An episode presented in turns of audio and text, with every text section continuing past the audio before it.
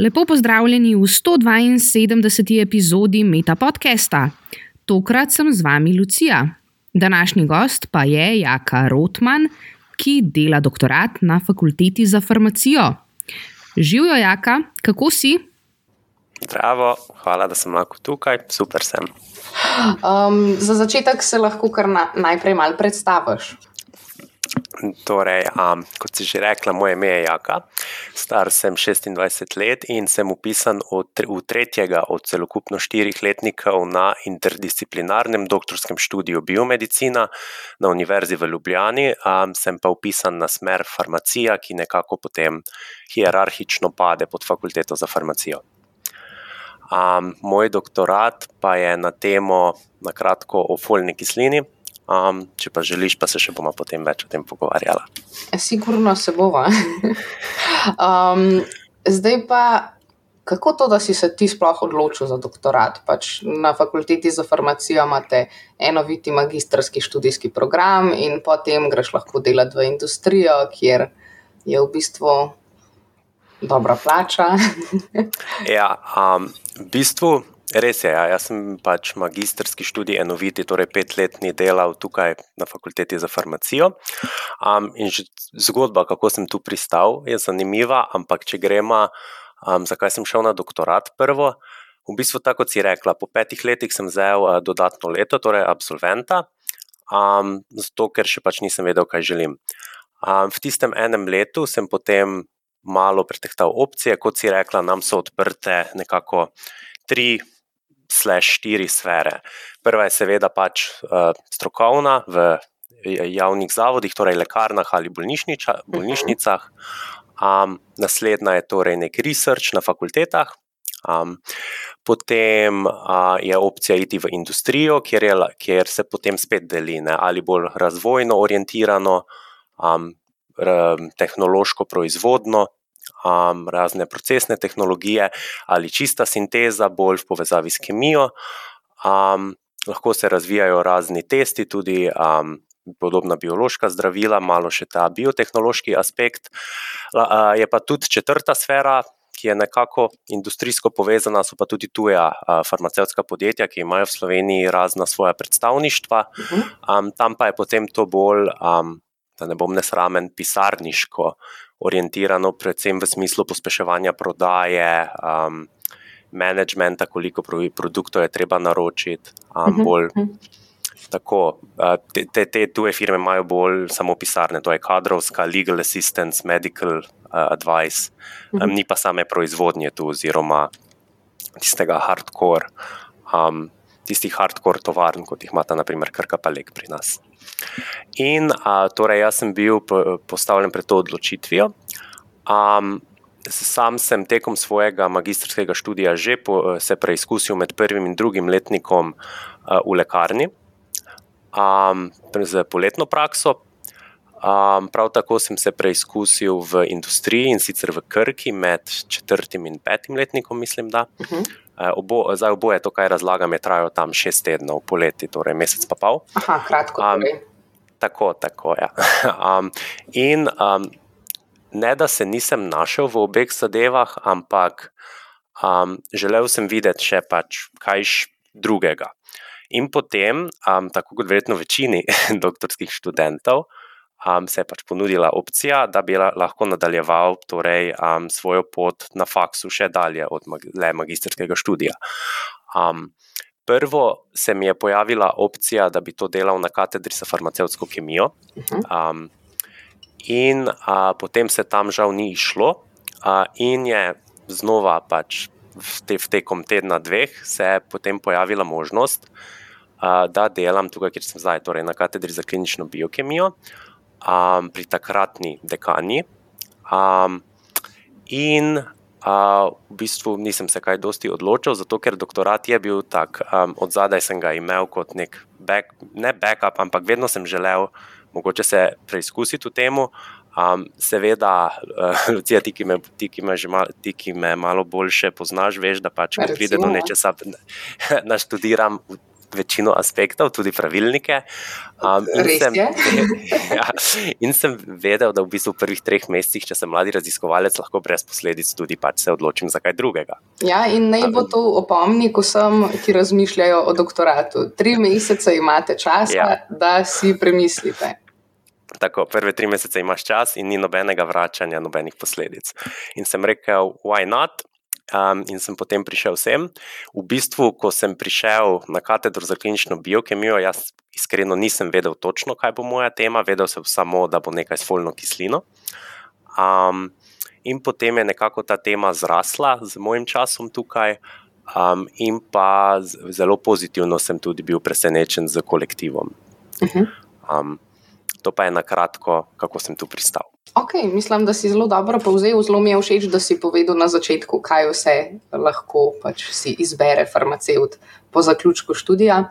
Um, ne vem, če nam je to že kdo povedal. Ne, sej, um, kar je zanimivo, je, je to, da pač na, na naši fakulteti za farmacijo je tudi študij industrijske farmacije in je verjetno glavna razlika točno to, da samo iz enovitega magistrskega študija farmacije se lahko gre v lekarno, um, z industrijske farmacije pa so potem ostale še tri sfere na voljo. Um, ja.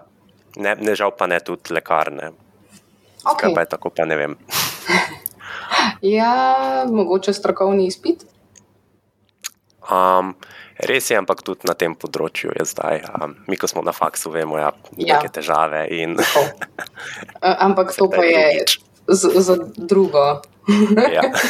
za drugič. Po, položaj študenta farmacije v Sloveniji, drug podcast. ok, pa da se vrnem na tvojo doktorsko dizertacijo um, oziroma na tvojo temo.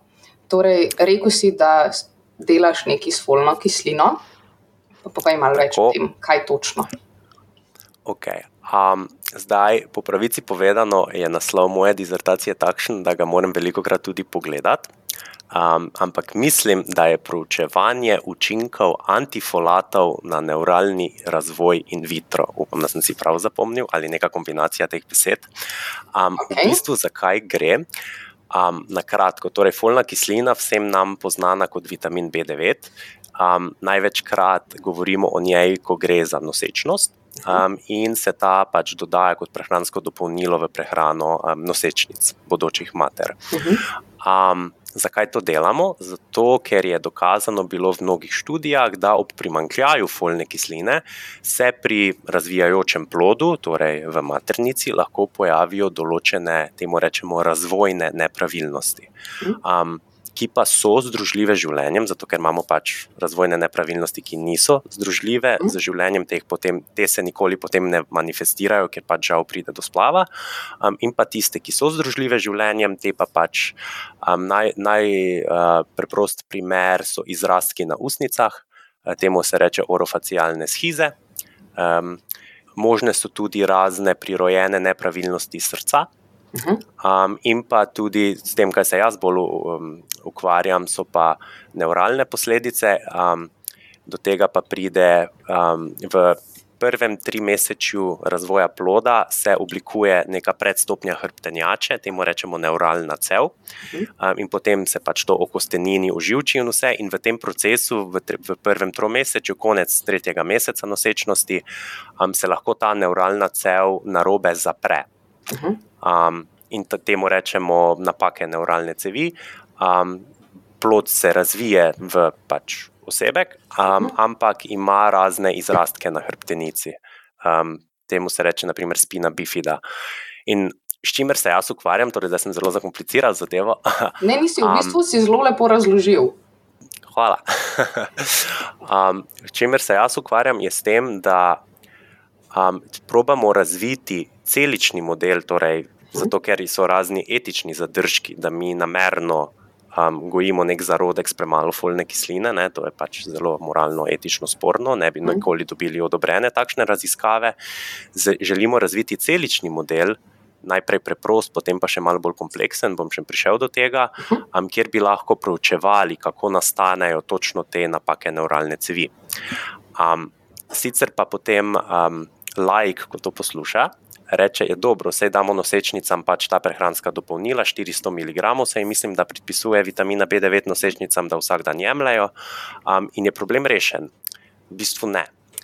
Um, obstajajo tudi študije, predvsem v Ameriki. Zakaj v Ameriki? Zato, ker tam dodajajo folno kislino v žitarice, v mleko, uh, v jutranje kosmiče, v bistvu vse, to pri nas v Evropi se ne dela. Um, in so ugotovili, da imajo otroci tam, oziroma matere tudi, um, ful več folne kisline v krvi, v plazmi, kot pa pri nas v Evropi. In incidenca avtizma je zelo višja tam. Določene študije predpostavljajo, ja, da je pre, prebitek, rečemo temu, folne kisline pri materi lahko povezan z višjo incidenco avtizma. Kar bomo mi tudi na tem celičnem modelu um, sprobali. Torej, vse nekako mora biti v nekih mejah normale, tudi folne Ja, ne premalo, ne Ne, preveč. ne tako. premalo, ne preveč. Okay. Rabimo pa nek celični model, da bomo naše pač, hipoteze preverili, in to je basically Okej. doktorat na kratko. Pa, pa kar te vprašam, kako točno se tega celičnega modela lotiti.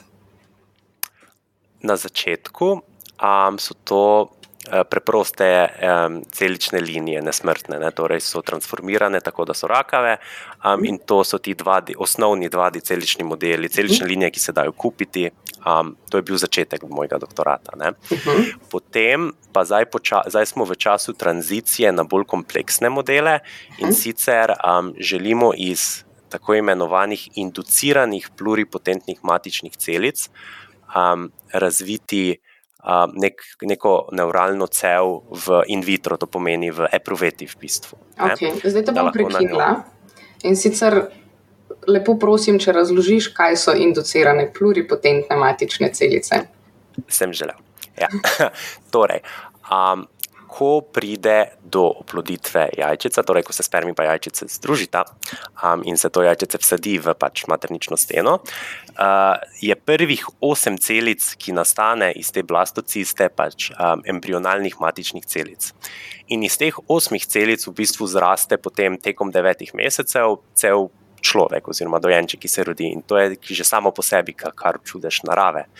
Um, matična celica je v bistvu, torej človeški organizem je sestavljen iz celic, ampak mi, ko smo že pač odrasli, ne, bolj ali manj, um, že imamo specializirane celice. Torej, uh, moja celica na koži ne more, ne more presnavljati tako kot moja celica v jetrih. Naprimer.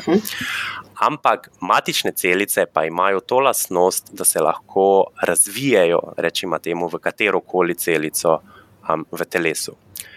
To, torej, kot sem rekel, eh, tistih, iz tistih osmih embrionalnih matičnih celic potem celoten človek zraste, se Mhm. razvije, če temu tako rečeva.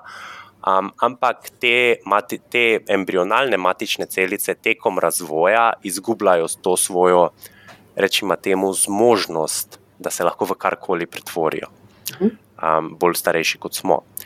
Inducirane pluripotentne matične celice so pa bile dejansko, um, to so kar relativno nova, uh, pač uh, relativno novo odkritje in je bila leta 2012 za to podeljena Nobelova nagrada za fiziologijo ali medicino, kjer sta v bistvu dva znanstvenika iz Japonske ugotovila, da lahko mi torej to našo celico iz kože. Z, izpostavimo določenim faktorjem, transkri, transkripcijskim faktorjem, um, in Ja, v bistvu točno določenih naš nekih jih je, ne? Soks, Tak, ne vem kaj. OK4, SOX2, Nanok in pa um, MIC, mislim, da. Mogoče celo imaš prav, ja. Ja.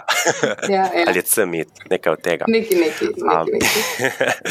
v glavnem, in če jih izpostavimo točno določenim pač faktorjem, um, kako to zgleda, v bistvu pač postrgaš celice iz kože, to rahlo boli, kot da bi te skalpelom, ni zdaj to nek boleč um, poseg.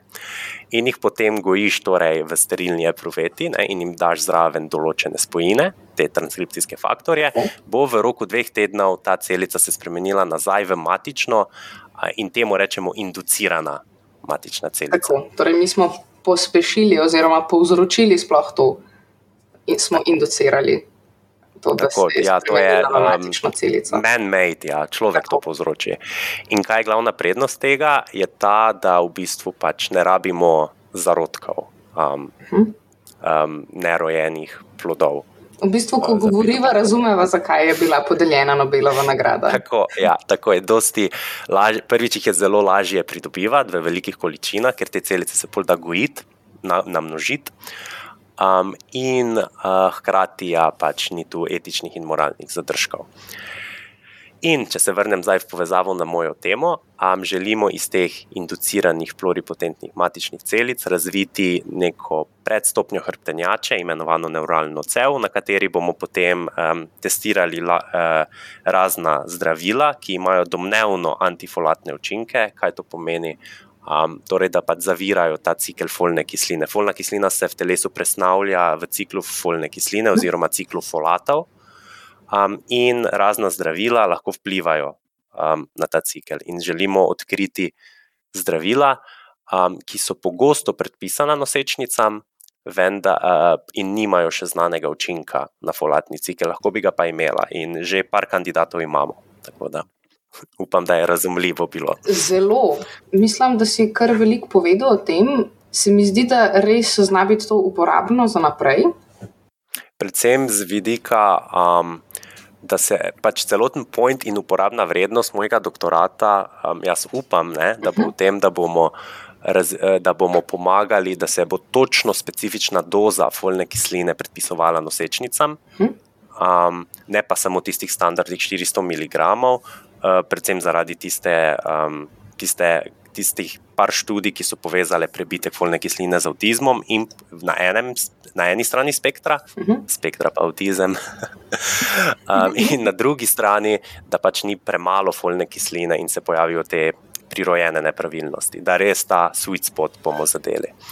Um, in, in tudi z ozirom na zdravila, ki jih potem nosečnica jemlje, še hkrati, zato ker pač, če ima nosečnica neke kronične bolezni, bolezni naprimer astmo, um, nosečnica ne bo pre, prenehala imati in pač tistega inhalatorja in pač eh, beta agonistov. Ne. Uh -huh. In zato pač želimo um, nekako zagotoviti, če, te, če se strokovno izraž, izrazim, eh, dobrobit matere in otroka. Ali se spomniš kakšne zabavne ali zanimive anekdote povezane s svojim mentorjem, ali pa morda kakšne nenavadne, smešne anekdote, ki se je zgodila tekom tvojega raziskovalnega dela v sklopu doktorata? Ja. Um, torej, anekdota v povezavi z mojim mentorjem. Um, upam, da ne bomo predolga, če jaz začnem sploh um, to anekdoto s tem, kdo je moj mentor. To je zelo zanimivo vprašanje, tako kot um, ker je v bistvu nek hibrid, tako kot je moja zaposlitev. Mhm. Jaz sem v bistvu zaposlen v, univerzite, v, v Univerzitetnem kliničnem centru Ljubljana, mhm.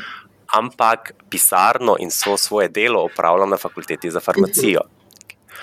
Kar pomeni, da je tudi situacija z mojim mentorjem malo zapletena. Ampak, um, za kogarkoli me vpraša, jaz imam v bistvu tri mentorice. Imam glavno mentorico iz UKC-ja, uh -huh um, ki jo vidim dvakrat na leto preko videokonference. Uh -huh. Imam uh, so, so mentor, glavno so mentorico, rečemo temu, iz fakultete za farmacijo, ki jo vidim enkrat na dva meseca, in imam delovno mentorico iz fakultete za farmacijo, ki jo pa vidim vsak dan.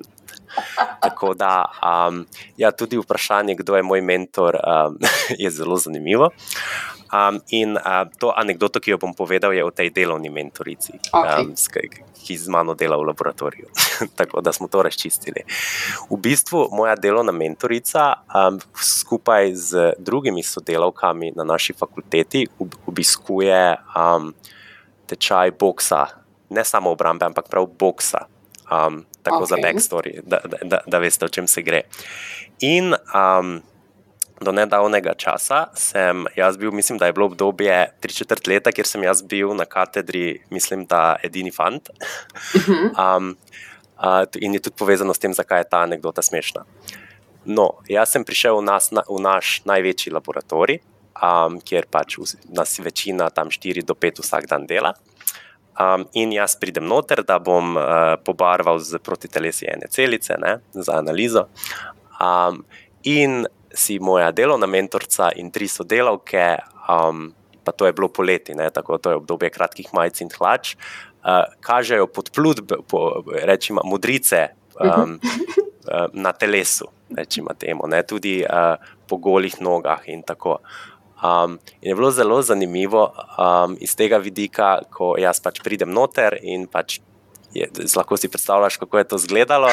Um, jaz nisem vedel, kaj se dogaja. Um, Um, ko so opazili, da sem jaz prišel ne, v Ljubljano, tako jaz sem se zelo začel smejati, jaz tudi, ampak na srečo smo se pač vsi smejali in se zdaj spominjamo te situacije. Je, je, je pa bilo, da je te modrice povzročila ostalim, ta moja delovna mentorica. Um, tako da opozorila o tebi. Ja, ne zamujam rokov. Priporočilo za knjigo, igro, film, spletno stran ali podcast. Ja, um, to se mi zdi zelo um, zlajnan odgovor, ampak meni je bil letošnji film Oppenheimer vrhunski iz večjih vidikov, predvsem pa tudi zato, ker um, mislim, večina jih gleda ta, ta film Oppenheimer in si misli, wow, ja, atomska bomba. Um, pač ti vizualni efekti. Meni je pa bil predvsem zanimiv, ker je kazal um, tudi v povezavi s tem, ne, da, smo, da smo na doktoratu, um, odnos takratne javnosti, predvsem ameriške in tudi svetovne, do znanstvenikov. Um, oni so nekaj odkrili, um, in ja, v znanosti je zelo zanimivo, um, kaj sem jaz tudi v tem filmu videl. Uh, oni so prišli pač do neke zelo gromozanske ugotovitve, ne, ki je bila pač potencialno, oziroma niti ne potencialno nevarna za človeštvo. Um, in potem so, je javnost, oziroma rečemo temu, takrat vladajoči vla, uh, in pač to odkrite vzeli, in potem znanstveniki niso več bili niti posvetovani, kaj s tem. Ne. In se mi zdi do, dobra paralela temu, um, kaj v bistvu vsi, vsi delamo, da pač ugotovitve so lahko nekatere zelo. Um, Uh, ground, slovensko besedo za groundbreaking mi je zdaj uh, ušla. No, ampak, se bomo razumeli tudi v angliščini. Ja, da, da so zelo prelomne nekatere lahko ugotovitve v znanosti, tudi naprimer to z matičnimi celicami, um, ampak da potem. Da, da ta, ta znanost se ne zaključi z, odkriti, z, z odkritjem nečesa, ne? ampak je treba še dalje tudi razvijati uh, tako samo odkritje, kot tudi uh, moralne in etične vidike uporabe tega odkritja. Uh mhm. -huh. ja. Če razumeš, kaj želim. Razumem, seveda. Zato mi je ta film tako dober in tudi, kaj se potem zgodi z glavnim likom. Predlogi za izboljšanje posodobitev doktorskega študija, kako bi ga aktualizirali? Tukaj um, imam jaz ogromno zapovedati. um, tudi zato, ker. Um, mi smo vsi vpisani na doktorski študij biomedicine in na univerzi doktorski študij biomedicine um, regulira oziroma zanj skrbi in ga vodi tako imenovan programski svet biomedicine. In ta programski svet um, ima enega študenta. In to sem jaz. Tako da um, imam na to temo veliko zapovedati. Izvoliš. Ampak ne, se bom, kar bom kratek obljubil. Um, Problemi na doktorskem študiju, po mojem mnenju, prvi so ti, da um, na biomedicini imamo prvi dve leti predavanja, tretji in četrti letnik pa se samo posvetimo raziskovalnemu delu. Um, moje iskreno mnenje in tudi mnenje študentov, ker jaz te ankete potem vidim ne, kot član tega programskega uh mhm. -huh. sveta, je, da morda ni smiselno imeti toliko predavanj, ki, so ne, ki, so, ki niso direktno vezane na doktorat vezana s tvojo temo. Ni, ja, ja, ja. Teme, doktor, teme doktoratov, že pri nas na biomedicini, pa tudi na splošno na Univerzi v Ljubljani, so res najrazličnejše, najbolj uh mhm. -huh. široke, kaj je možno. In se mi res zdi, da, da ti predpišeš tistih pri, za nas, ne, torej tistih šest predmetov. Um, torej, tri v prvem, pa tri v drugem letniku, oziroma že to ne, ni standard, nekaterih imajo še več. Um, ta neskladja v obremenitvah, v predmetih, ki morda niso ti koristna, se meni na doktorskem študiju zdijo popolnoma nepotrebna in to je ena od takih preprostih stvari, ki bi jih jaz spremenil, če bi bil odločevalec, pa samo eden od dvanajstih. Mislim, da nisi um, prvi, ki si povedal uh, tole. No? Ja. No, to. Um, druga stvar, ki bi jo pa še spremenil, je pa torej povečanje relevantnosti, kako bi se jaz tega lotil. Um, na večini teh letnih sestankov, um, teh vodij našega doktorskega študija na univerzi z delodajalci, um, delodajalci izpostavljajo iste probleme. Torej, um, da pride doktorski študent, ne je zaključil doktorat, super. Um, Potrdil svoje ali uvrgal svoje hipoteze, prišel do ne vem kakšnih odkritij, vendar um, njegova znanja niso uporabna v industriji, predvsem krka in lek um, za nas. Ne, ko smo recimo na biomedicini, tudi s tem sem se jaz tudi bolj posvetil, ko so govorili, um, da kaj je relevantnost tega. Um, Uh, in jaz bi iskreno pač pristopil tako, da bi tudi ali so mentorje iz Krke in Leka bolj vključeval v prijavo tem in same doktorate, um, ali pa nekako probal povezati sodelovanje tega uh, raziskav na doktorskem študiju, doktorskih študentov z industrijo. Um, da se pač ne, ne omejimo samo na farmacevtsko, uh -huh. ali pa v primeru, um, če nekdo res pač ima neko um, temo, ki je basic science, ne, torej, uh, da ni aplikativno, uh, pa tudi povezavo z inštituti. Um, zato, ker dejstvo je, vsaj na naši katedri, tudi Lucija, sama veš, um, da 80% doktorskih študentov ne ostane na fakulteti. Um, in imamo tudi problem z kadrom, ki se nam bliža, um, še hitreje kot kriza s penzijami v Sloveniji. Um, in um, bi morda in večina teh ljudi potem ali gre v industrijo ali pa na inštitute dalje delati um, raziskave. Zato se mi zdi, da bi bile bil neke povezave z našimi inštituti, um, bodi, si inštitut, bodi si Štefan, Kemijski inštitut mhm. ali tudi um, inštituti medicinske fakultete. Po moje vidim tukaj dosti možnosti za sodelovanje in tudi za to relativiziranje naših raziskav. Mhm. Ja. Katera stvar ti je tekom doktorata prinesla največ veselja ali izpolnitve? Kaj je bil highlight doktorskega študija? Dobro, uh, highlight. Jaz bi rad izpostavil, da sem uh, v drugem mesecu tretjega letnika od štirih, tako da um, še, uh, še me veliko čaka, ampak upam, da ne um, nepredvidenih zadev. Ampak kot vemo, na doktorskem študiju ponavadi ni tako. Um, highlight je bil, in to je tudi v povezavi uh, s tem, kaj jaz priporočam vsem, ki želijo iti na doktorat, uh, je bil kolektiv. Uh, v smislu odnosi z ljudmi, ki jih imaš vsak dan. In s tem povezavi jaz tudi vedno rečem tistim, ki želijo iti na doktorat, da v bistvu sploh ni važno, važna tema, ampak je važen tvoj mentor, um, odnos in tudi kolektiv, zato ker te ljudi ti vidiš vsak dan, po več kot 8 ur.